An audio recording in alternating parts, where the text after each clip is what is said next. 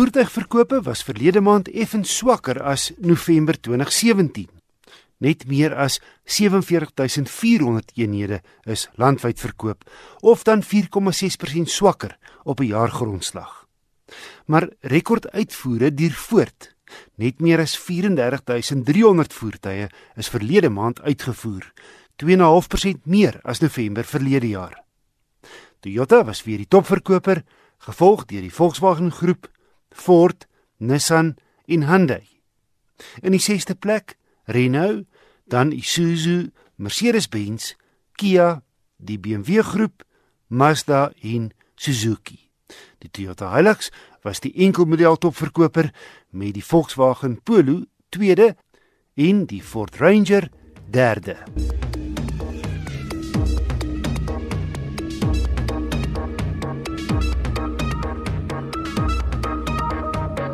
Baie mense gaan oor Desember reis.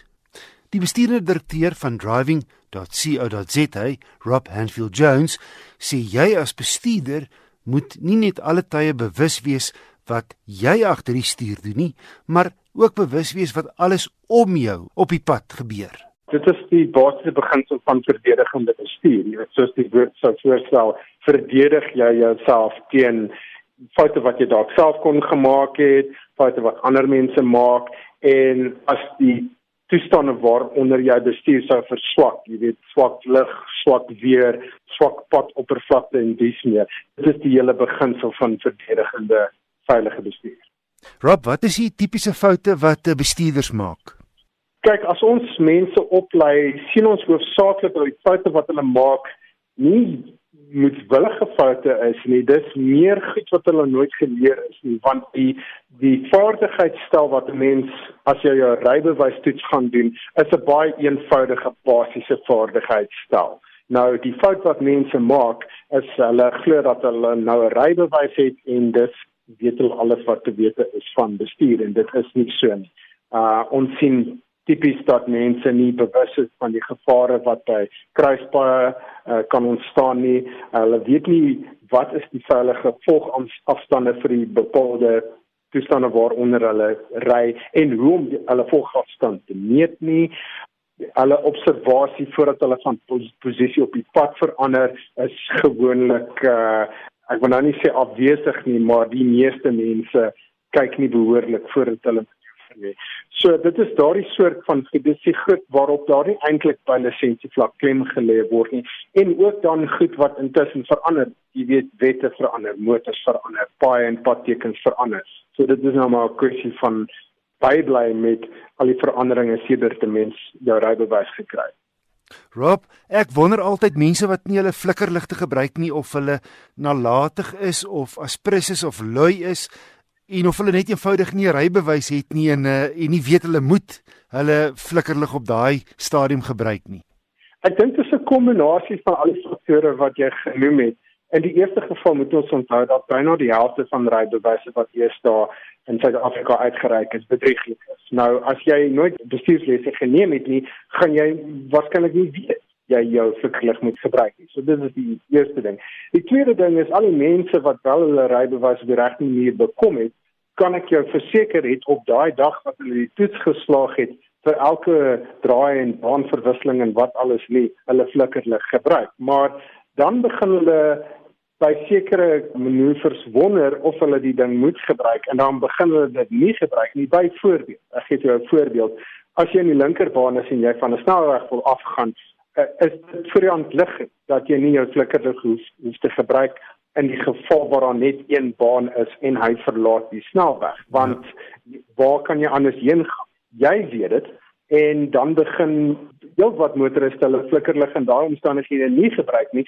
Maar hulle neem nie in ag dat die ou wat agter hulle is of wat in die bane langs van hulle is nie weet of dalk nie weet waar hulle heen gaan. So dit is hoekom dit altyd belangrik is om mense ten volle op hoogte gehou van presies wat jy alles binnekort gaan doen. Wat is jou idees?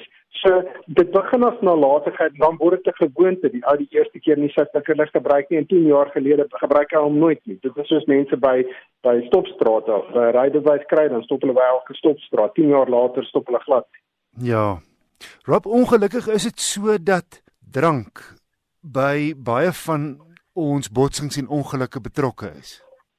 Ja, dit is so. Die statistieke is nogal skrikwekkend. 55% van mense wat op Suid-Afrika se paaie doodgaan, is onder die invloed van drank en as 'n mens bestuurders kry, dan is die persentasie uh, kyk, dan is die persentasie 58%. En daai mense, dis nie 'n kwessie dat hulle gou-gou pad afgery het kroeg toe vir 'n vinnige biertjie nie. Hulle gemiddelde bloedalkohol konsentrasie is om en by 4 keer hoër as wat die wette geperk is. So daai mense is nie hulle het nie een of twee biere gehad nie, hulle is dronk.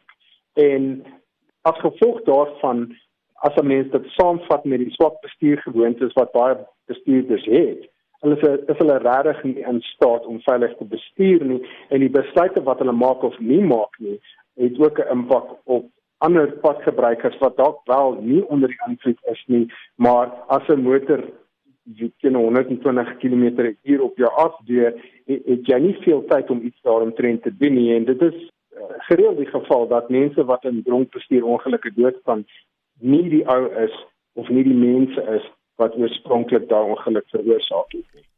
Rob, ongelukkig maak dit natuurlik ook nagbestuur gevaarlik hier in Suid-Afrika dit doen as 'n mens gaan kyk na die hoogste risikotydperk om te bestuur, is dit tussen 1 en 5 uur die oggend. Jy is nie net effe meer op risiko van 'n noodlottige botsing, jy is 4 keer meer uh, op risiko teenoor ander tydperke van die dag. En as 'n mens nou gaan kyk na die oorhoofse faktore daar agter, daar is natuurlik dronkbestuur wat ons reeds bespreek het. Daar is vermoeidheid baie bestuurders ry uh, as hulle nie behoorlik uitgerus is nie dan begin hulle slaap raak of hulle kan nie behoorlik konsentreer nie. Maar dan staan ook die die, die heel grootste faktor en dit is die sigbaarheid wat bestuurders aanvaar sonder om te weet hoeveel presies vir hulle gesien kan word. As jy 120 en is jy dalk in staat as iets voor jou sou instap so 'n maar bok of 'n kar voor jou 'n e-draai maak om binne daai afstand te reageer en te kan stop. Maar wat gebeur is mense ry 120 en hulle hoofligte uh, is is op bright en dan domp hulle die hoofligte. Ja. Waar jou maksimum veilige spoed 70 is, maar hulle verminder die spoed nie. Dit is hmm. te jy ry met 'n blinde doek om jou kop. Rob Hanfield Jones van driving.co.za. Volgende week praat Rob verder oor padveiligheid.